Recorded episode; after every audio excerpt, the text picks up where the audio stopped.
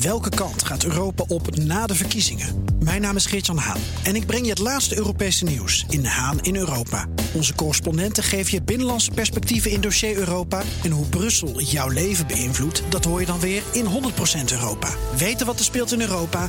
Luister naar de programma's van BNR. De Joe en Donald Show.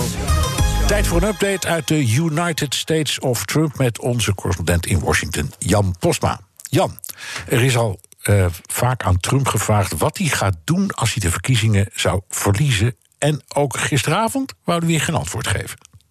Nee, hij krijgt heel vaak soortgelijke vragen en dan ontwijkt hij altijd, nu ook. Nu werd hem gevraagd, uh, belooft u er alles aan te doen... om te zorgen voor een vredige overdracht uh, van de macht naar een volgende president? Will you commit to making sure that there is a peaceful transferal of power after the election? Well, we're going to have to see what happens. You know that I've been complaining very strongly about the ballots, and the ballots are a disaster. I understand that, but people are rioting. Do you Oh, commit to making sure that there's a No, peaceful wanna- transferal of power? We want to have get rid of the ballots, and you'll have a very trans. We'll have a very peaceful. There won't be a transfer, frankly. There'll be a continuation. Ja, en daarna gaat hij dan nog even door over die stembiljetten en de problemen... en suggereert dat uh, democraten daar dan alles van af weten. En, en je hoort het hem ook zeggen, hè, er komt helemaal geen andere president. Ik win gewoon, wat Ja. in een andere context natuurlijk compleet logisch is dat hij dat zegt. Uh, maar nu ook wel een beetje uh, be- beangstigend klinkt. Want dit is niet wat je wil horen van een Amerikaanse president... En, en, en ook gek, Bernard. Uh, ik, ik bekijk de kranten. Het staat overal op pagina 5 of verder naar achter. Dus het is ook al geen groot nieuws meer. Nee, nee. Nou goed, het 22e amendement zegt hij moet aftreden. En als hij is herkozen, treedt hij weer aan. Maar dat gaat niet, achter, gaat niet automatisch door, toch? Nee, nee, inderdaad. Dus dat, Nou, uh, nee, het blijft spannend. Nou, zaterdag horen we van Trump wie hij kiest als nieuw lid van het Hoge Rechtshof. Uh, via reclamespotjes worden de kiezers daar al op aangesproken.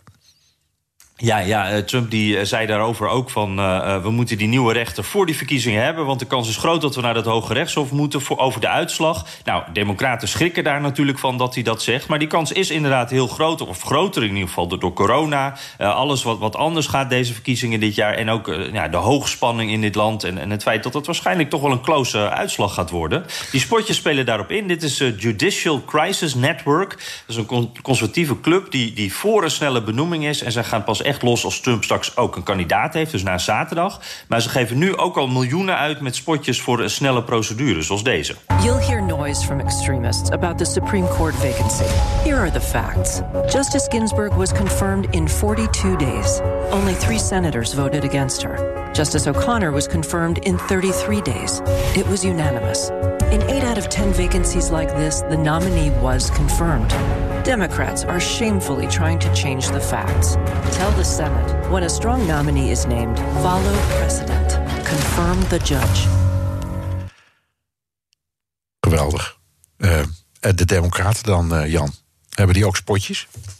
Ja, zeker. Die, die, maken zich dus zorgen. Hè. Straks kan het zo zijn dat een door Trump aangewezen rechter in haar eerste zaak moet oordelen over de verkiezingen van de man die haar net uh, die baan heeft gegeven.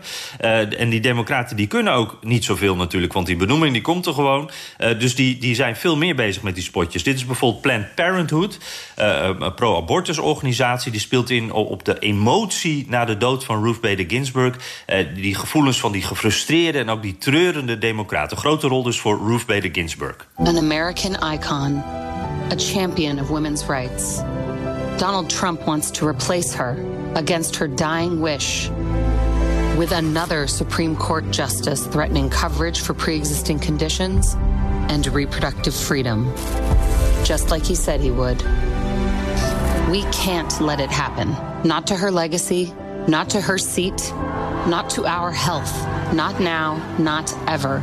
Take action. Vote. Ja, dat vorige spotje was al een beetje uh, dramatische muziek. Dit is echt emotie. Hè. Ze spelen in op die democraten die bijvoorbeeld hier in Washington vandaag ook weer uren in de rij staan om die laatste eer te kunnen bewijzen aan Ruth Bader Ginsburg. Uh, gisteren was ik daar nog even wezen kijken. Die rij was echt gigantisch. Veel shirtjes met haar naam. En veel mensen erg ongerust ook over de komende vijf weken en daarna. Want ja, dan begint dus na die verkiezingsuitslag, dan begint die strijd pas echt. Ja.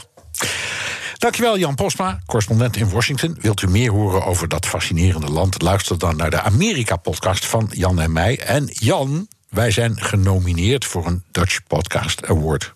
Ja, Ja. is dit Bernard? Dus even aan iedereen, stem op ons via de podcastawards.nl. Bij BNR ben je altijd als eerste op de hoogte van het laatste nieuws. Luister dagelijks live via internet. Bas van Werven. En heel langzaam komt de zon op rond dit tijdstip. Je krijgt inzicht in de dag die komt op BNR, het Binnenhof in Nederland en de rest van de wereld. De Ochtendspits. Voor de beste start van je werkdag. Blijf scherp en mis niets.